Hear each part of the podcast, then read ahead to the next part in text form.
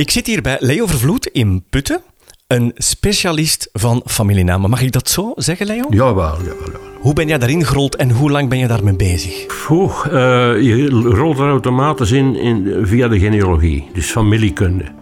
Uh, met andere woorden, ik ben persoonlijk teruggeraakt tot 1390 en ik weet dat dat zeer uitzonderlijk is, maar ik heb het geluk gehad dat uh, mijn voorouders nogal veel met de klooster van Tongerlo te maken hadden.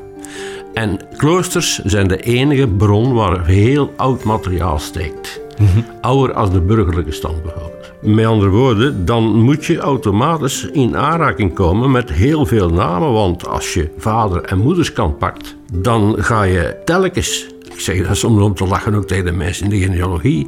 Jullie zoeken naar ene persoon, maar uiteindelijk gaat er daarna er weer twee anderen moeten gaan zoeken. Want die hebben vader en moeder. Ja, zowel vaders familienaam als moeders familienaam zijn belangrijk. Natuurlijk. Dat is allebei evenveel familie van u. En uw grootouders langs weerskanten. Maar dan hebben we al vier namen, hè? Eh, vier Natuurlijk, maar zo gaat dat telkens kwadraat. Ja. Je gaat naar de miljoenen toe. Hè? Wat bewijst eigenlijk dat we allemaal uiteindelijk familie van elkaar zijn.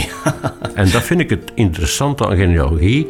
Je bewijst de mensen niet wat dat men verkondigt in de kerk, dat we allemaal van Adam en Eva afstammen, maar wel dat we allemaal familie van elkaar zijn. En jij bent hier al heel lang mee bezig? Ja, ja, ja, dan mag ik zeggen, de drang naar kennis van de geschiedenis is er altijd geweest. En uit die feiten groeit ook willen weten waar een naam vandaan komt.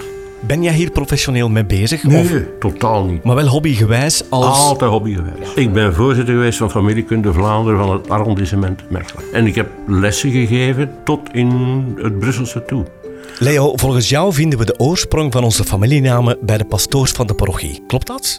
Wat schreef een pastoor op? Want we spreken altijd over de parochregisters. Ten eerste moet hij dan oud schrift al kunnen lezen. Dat begint al mee. Mm Dat is al een heel moeilijk onderwerp. De uh, pastoor schreef op wat hij dacht te horen, maar de pastoor was samen met de heer van een dorp vreemdelingen. En die schreef dus op een naam die hij eigenlijk niet kende van huis uit. Uh, bijvoorbeeld een Van der Hagen in West-Vlaanderen is hier in de streek Verhagen. Maar hij schreef op zoals hij dacht dat dat uitgesproken werd. En wat deden mensen? Men verbasterde in de zin van dialect. En de pastoor moest dat dialect dan maar omzetten in een taal die hij dacht dat juist was, maar die verschilde dus. Want als er een andere pastoor kwam, dan kan dat goed zijn dat in diezelfde familie die naam weer iets anders geschreven werd. Ik ga een voorbeeld geven. Je hebt de Griekse ei en de lange ei zijn bij ons in de naamvorming een groot probleem. Mm bijvoorbeeld mijn vrouw, die heeft familie en die heet Korrewijn. Maar die is er ene bij van de vier en die is zonder puntjes en die andere is met puntjes. Van dezelfde familie? Van dezelfde familie, van dezelfde uh, ouders.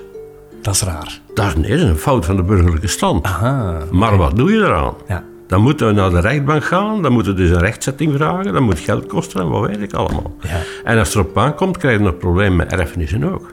Want je hebt uiteindelijk een andere familienaam. Goh. Ja, ja. Tot slot van deze inleiding.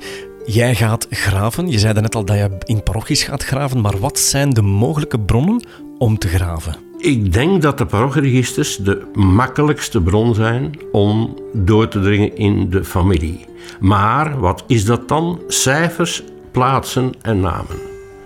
Terwijl over de levenssfeer, het wel of niet bezit hebben van, uiteindelijk uit heel andere stukken blijkt. Alleen pastoors hebben één voordeel. Die durven nogal eens dingen schrijven die men in de burgerlijke stand bijvoorbeeld nooit zal terugvinden.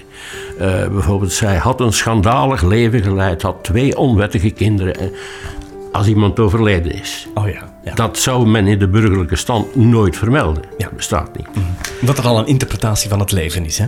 Uh, ja, maar Zijn de visie. De pastoor, nee, de pastoor durfde het schrijven. De burgerlijke stand mocht het niet schrijven. Zo simpel is het. Bedankt Leo voor deze boeiende inleiding. Volgende keer hebben we het over de grootste indeling van de familienamen.